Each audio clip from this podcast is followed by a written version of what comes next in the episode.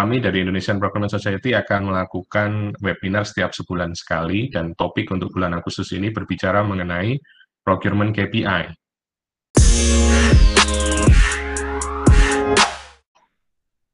Kita masuk ke sesi yang kedua pembahasannya. Tadi kita sudah belajar apa itu KPI, definisi KPI, kemudian apa itu lagging, kemudian leading indikator dari KPI, dan beberapa hal step-step uh, pembuatan KPI.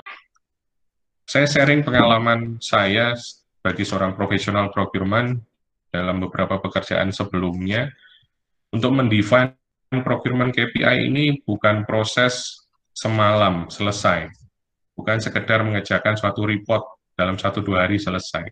Ini butuh satu proses yang panjang sebenarnya. Tapi karena sudah pernah dilakukan, tentunya ini saya buatkan sebagai satu seri. Nah, sebelum kita masuk ke dalam pembuatan procurement KPI, ada satu initial step, ya, saya sebut sebagai langkah-langkah awal persiapan. Bapak Ibu sekalian, ketika mau menyusun procurement KPI, tanyakan ke dalam diri Bapak Ibu sekalian, di manakah Departemen Procurement di dalam suatu organisasi? Yang pertama, apa fungsi dari procurement? Kadang ketika ditanya apa fungsi dari procurement, uh, tim saya di bawah, di unit procurement atau procurement yang baru masuk menjadi procurement, oh buat PO Pak, itu bukan fungsi dari procurement, itu job desk kamu. Tetapi kalau kita bicara procurement function, itu ada banyak hal yang bisa kita catat di situ. Yang pertama, memberikan saving bagi perusahaan tentunya. Itu yang menjadi mandatori mengenai fungsi dari procurement. Dan yang kedua, menghilangkan fraud dalam proses pengadaan di perusahaan. Karena yang bisa melakukan pengadaan dengan third party atau supplier adalah Departemen Procurement. Kemudian yang ketiga, mengadakan barang atau jasa tepat waktu, tepat kualitas, tepat harga, tepat delivery, dan lain sebagainya itu salah satu fungsi dari procurement. Yang keempat, fungsi procurement adalah memberikan keuntungan jangka panjang. Karena procurement memiliki akses ke supplier, khususnya strategic partnership supplier, sehingga bisa mendevelop satu proses yang lebih bagus terkait dengan partnership yang mereka adakan, joint process improvement yang, yang mereka lakukan, dan lain sebagainya. Nah, itu adalah fungsi-fungsi dari procurement.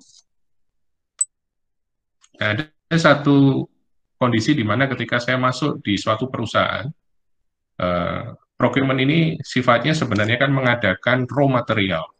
Nah, ketika saya masuk dalam satu perusahaan, ternyata struktur pengadaan di situ ada dua, mereka bisa. Ada yang sifatnya uh, sourcing raw material, ada yang sifatnya sourcing indirect material. Nah, Artinya kalau kita melihat seperti ini, kita harus paham bahwa posisi kita, kita tidak bisa serta-merta mengambil uh, strategic sourcing yang ada di dalam raw material untuk pengadaan raw material tadi masuk di dalam kita. Kita harus melihat dulu, ini sudah berjalan sekian tahun, kemudian ada fungsi yang berbeda, dan ternyata memang itu ada satu reason yang jelas. Yang itu hanya bisa dilakukan oleh orang-orang yang punya spesialisasi untuk pengadaan raw material. Contohnya apa? Saya di satu perusahaan ada yang namanya Departemen Sourcing yang khusus untuk mengadakan pembelian gabah ataupun padi ataupun beras.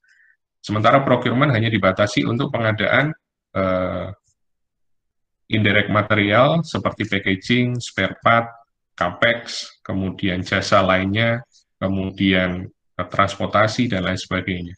Nah, strategic sourcing yang dilakukan oleh Departemen Sourcing untuk pengadaan gabah dan beras ini, itu membutuhkan orang-orang yang punya akses khusus ke para petani, kelompok tani, dan lain sebagainya, dan mereka memang punya spesialisasi di situ. Artinya, bagi saya saat itu fine, tidak ada masalah. Artinya tugas saya, saya punya fokus, nah, saya punya fokus untuk indirect material, Nah, ini yang perlu kita pahami. Yang kedua, berbicara procurement uh, policy. Apakah di dalam organisasi policy procurement sudah berjalan dengan baik? Apakah SOP procurement-nya sudah dipahami dan dilakukan oleh user di dalam organisasi tersebut? Kalau belum, ini satu PR sebelum kita berbicara menyusun procurement KPI. Ngapain kita uh, menyusun procurement KPI kalau procurement polisinya ini tidak dipahami oleh user? Masih ada pihak yang melakukan pengadaan di luar mekanisme uh, pengadaan procurement, SOP procurement, P2P prosesnya.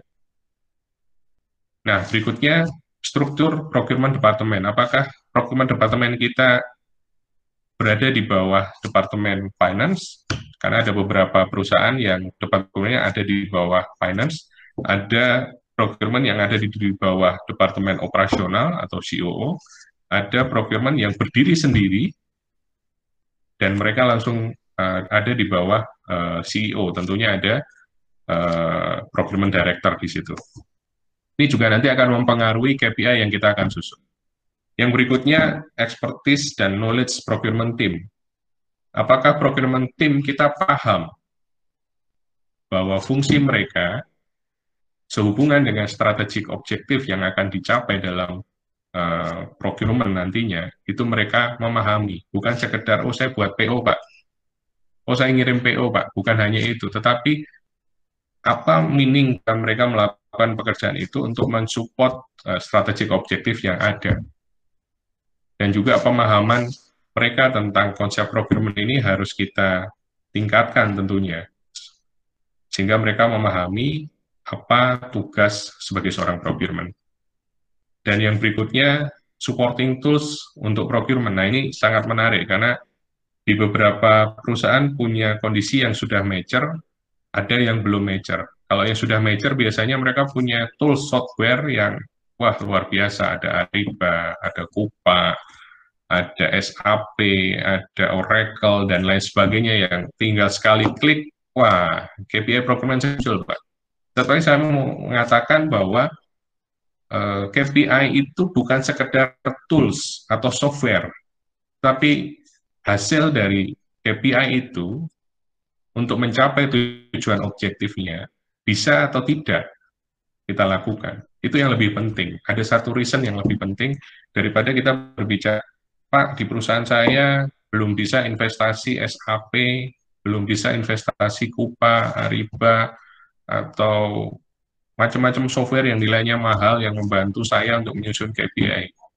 Saya mau ingatkan bahwa tugas kita bukan untuk menyampaikan apa yang menjadi kendala, tetapi juga mengantisipasi kalau dalam kondisi perusahaan seperti itu, apa yang kita lakukan. Tentunya dengan supporting tools yang menggunakan Excel sekalipun, itu bisa kita lakukan, asalkan sistem atau mekanisme yang kita buat itu bisa berjalan dan dimonitoring dengan baik. Itu yang penting. Ya, itu yang harus kita pertanyakan dulu sebagai seorang procurement, di mana kita dalam organisasi, bagaimana fungsi kita sebagai procurement, bagaimana kebijakan-kebijakan procurement, SOP procurement, apakah sudah dijalankan dengan baik, dipahami oleh user, dipahami oleh supplier, kemudian bagaimana struktur procurement departemen sendiri, apakah kita punya akses langsung ke CEO dalam hal pengambil keputusan tertinggi, atau kita masih di bawah departemen yang lain, kemudian bagaimana expertise and knowledge dari procurement team kita, karena ini berbicara KPI adalah KPI untuk departemen. Jadi kita berbicara masing-masing orang dalam procurement team departemen itu memahami gasnya masing-masing untuk mencapai tujuan objektif dari KPI procurement itu sendiri. Kemudian supporting tools. Supporting tools jangan menjadi satu kendala ketika kita berbicara menyusun KPI. Kita harus mengantisipasi dengan cara kita sendiri. Kita menjadi lebih kreatif. Syukur kalau kita sudah punya perusahaan atau kita ada di dalam perusahaan yang bisa menginvestasikan supporting tools yang sangat membantu pekerjaan procurement. Tentunya itu yang menjadi harapan kita. Tetapi semuanya tidak selalu uh, seperti yang kita bayangkan. Bisa jadi kita berada dalam satu perusahaan yang baru merintis, baru memulai. Ada saatnya kita ada dalam satu perusahaan yang sudah major dan kita bisa uh, mengusulkan satu uh, pengadaan supporting tools yang sangat membantu tim procurement. Tergantung di mana posisi Anda saat ini. Nah, berikutnya kita berbicara setelah itu ada satu hal yang penting yang harus kita define lebih detail tentang procurement KPI. Yang pertama, apa objektif dan indikatornya. Yang kedua, apa target value-nya. Yang ketiga, threshold parameter atau ambang batas, ambang nilai parameternya. Kemudian data source-nya seperti apa. Kemudian reporting period-nya seperti apa. Baru kita bisa membuat satu perhitungan atau scoring KPI dengan menggunakan weighted average dan lain sebagainya. Nah, untuk mengingatkan kepada rekan-rekan sekalian, Bapak Ibu procurement profesional, ini adalah satu gambaran procurement proses yang kita lakukan selama ini sebenarnya. Ini adalah uh, gambaran procurement proses yang ditulis oleh Bing. Di situ ada uh, beberapa main proses, dimulai dari kategori strategi, sourcing, purchasing atau procure to pay, supplier relationship management, performance management, Nah, ini tadi yang saya sampaikan, di mana posisi kita saat ini? Apakah kita sudah bisa melakukan semua procurement proses yang ada di sini?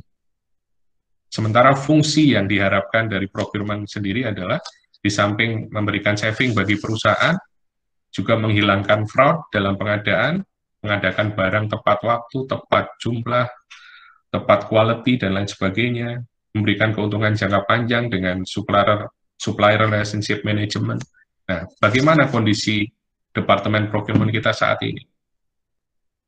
Ya, ini yang harus kita lihat sebagai satu kondisi yang nanti kita bisa melihat gap analisisnya bagaimana, apa yang harus kita perbaiki dulu.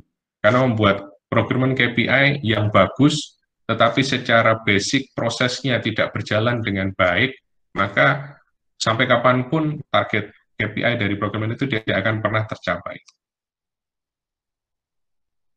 Nah, ini juga sebagai reminder kepada Bapak Ibu sekalian, sebagai seorang procurement, mau di level direktur, mau di level staff sekalipun,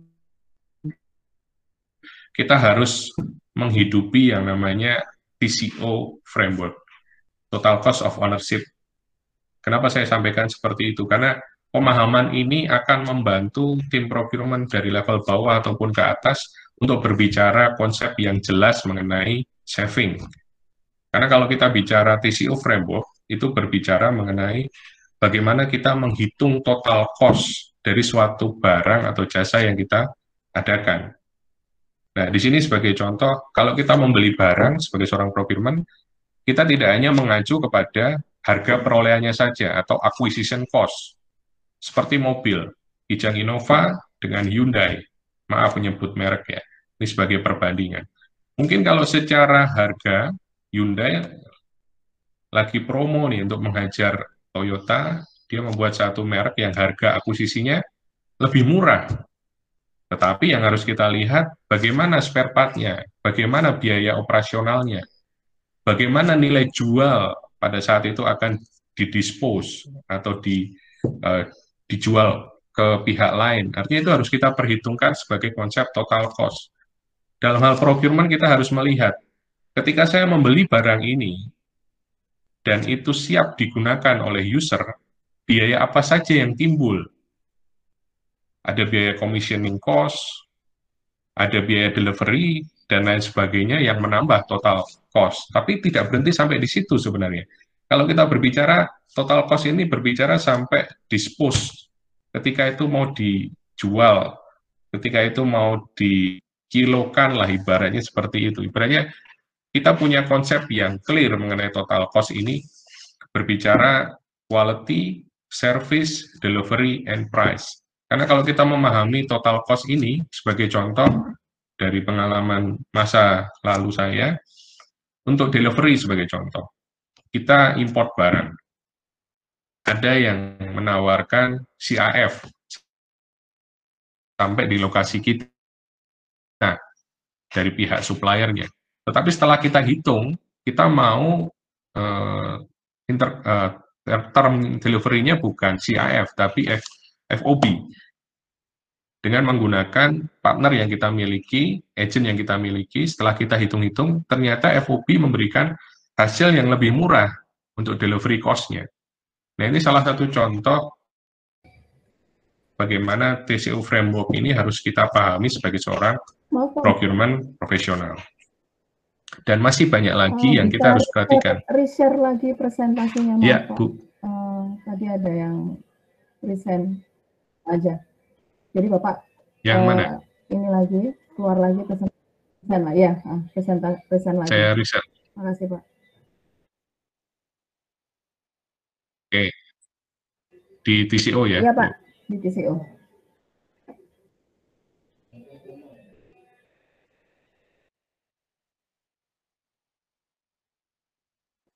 Oke. Ya. Ya, Sudah terlihat? Oke. Ini gambaran dari TCO yang tadi saya jelaskan bahwa dari level terendah sampai tertinggi kita harus punya konsep TCO framework yang jelas.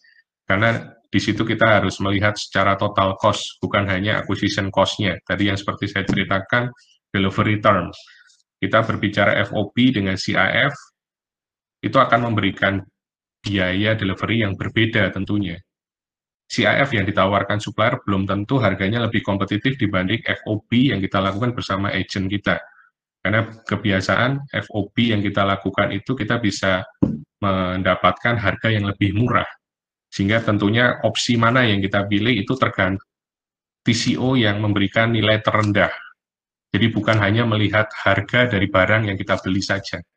Karena itu akan mempengaruhi nilainya sampai dengan barang itu siap dipakai oleh user.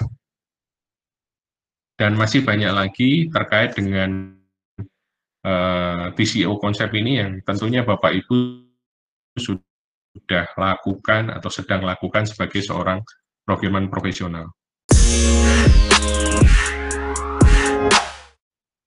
Nah, ini Bapak Ibu yang saya mau sampaikan uh, sebagai satu summary setelah proses yang tadi kita lakukan, kita mengevaluasi di mana procurement saat ini berada, kita akan menyusun yang namanya procurement KPI. Ada lima, lima komponen di sini yang saya buat. Ini sebagai contoh, karena masing-masing industri atau perusahaan Bapak Ibu sekalian tentunya bisa membuat uh, komponen yang berbeda tergantung dari perusahaan Ibu masing-masing, Bapak Ibu masing-masing. Nah, di sini saya mengambil contoh untuk perusahaan makanan. Di sini ada target objektifnya adalah control of quality. Yang pertama, yang kedua cost reduction. Yang ketiga control of cost, control of cash. Yang kedua, yang ke, yang keempat compliant. Yang kelima continuous improvement. Nah, ini satu target objektif yang tadi saya bilang di awal. Kalau kita berbicara KPI, eh, target objektifnya apa? Oh, saya mau mengontrol quality, cost reduction, control of cash, compliant, continuous improvement, selaras dengan tujuan dari atau fungsi dari procurement. Tadi ada beberapa yang saya sampaikan di awal.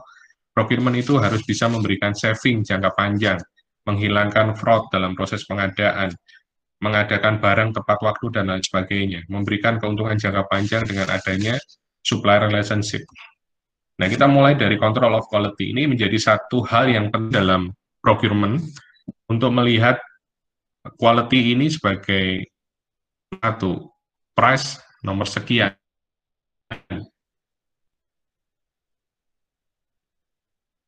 Karena quality user. Barang boleh murah, tapi kalau kualitinya jelek, maka total cost akan lebih besar pada akhirnya.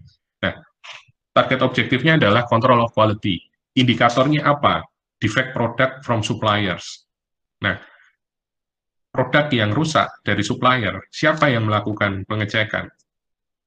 Nantinya ada yang namanya Departemen QC, Quality Control, untuk incoming uh, material dari supplier. Dia akan melakukan checking apakah material yang dikirim sudah sesuai standar uh, quality yang diharapkan atau belum. Nah, report inilah yang nanti kita pakai sebagai dasar untuk membuat uh, indikator dan target value berikutnya. Karena kalau informasi ini kita tidak tahu dari mana memperolehnya, maka KPI ini tidak akan bisa pernah kita hitung. Tadi yang saya sampaikan ada satu objektif data. Nah, pihak eh, QC inilah yang akan melakukan validasi atas uh, indikator defect product from supplier. Nah, dari indikator ini kita akan turunkan menjadi satu target value.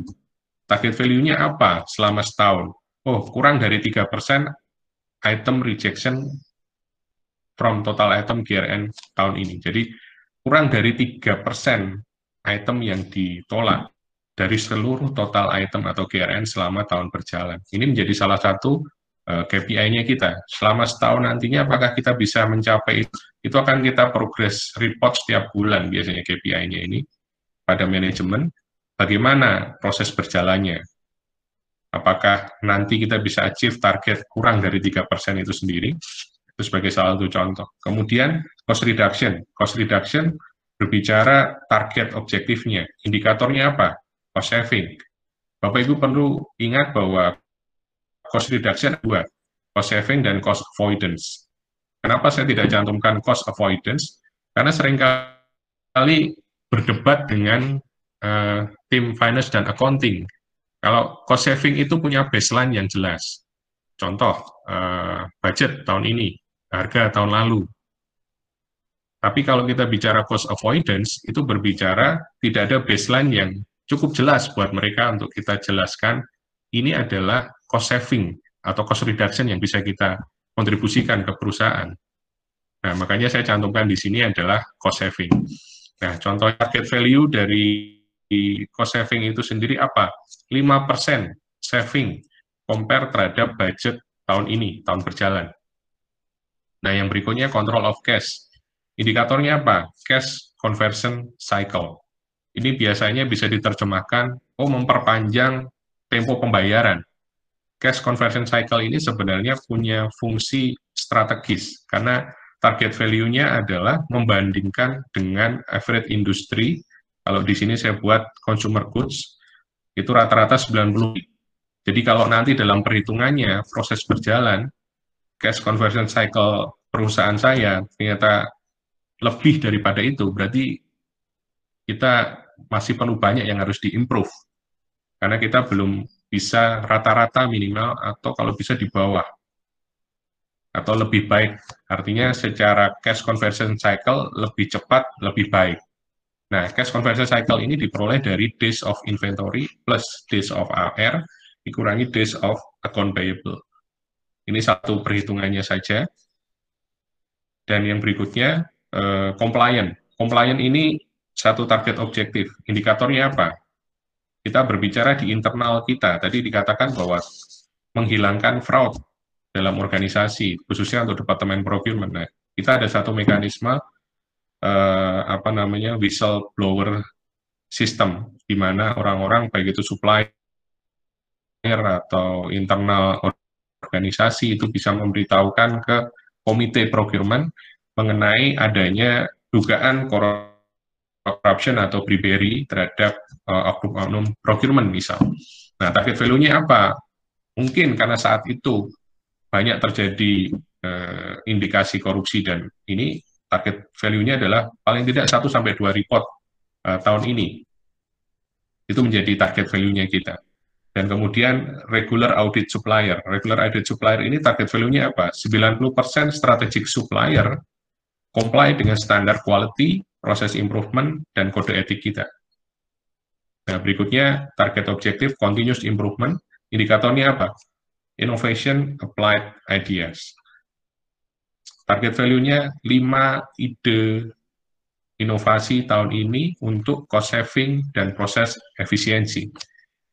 Nah, ini sebagai satu gambaran uh, komponen uh, procurement KPI, dan kalau Bapak Ibu lihat di bagian bawah itu ada lagging KPI, kemudian leading KPI yang tadi saya sampaikan. Kalau lagging itu berbicara past performance, Kemudian kalau leading KPI itu berbicara future performance atau mempengaruhi performance yang terjadi di masa yang akan datang. Nah, ini secara lebih detail saya memberikan gambaran contoh tadi diterjemahkan lebih detail dalam satu bentuk report procurement KPI.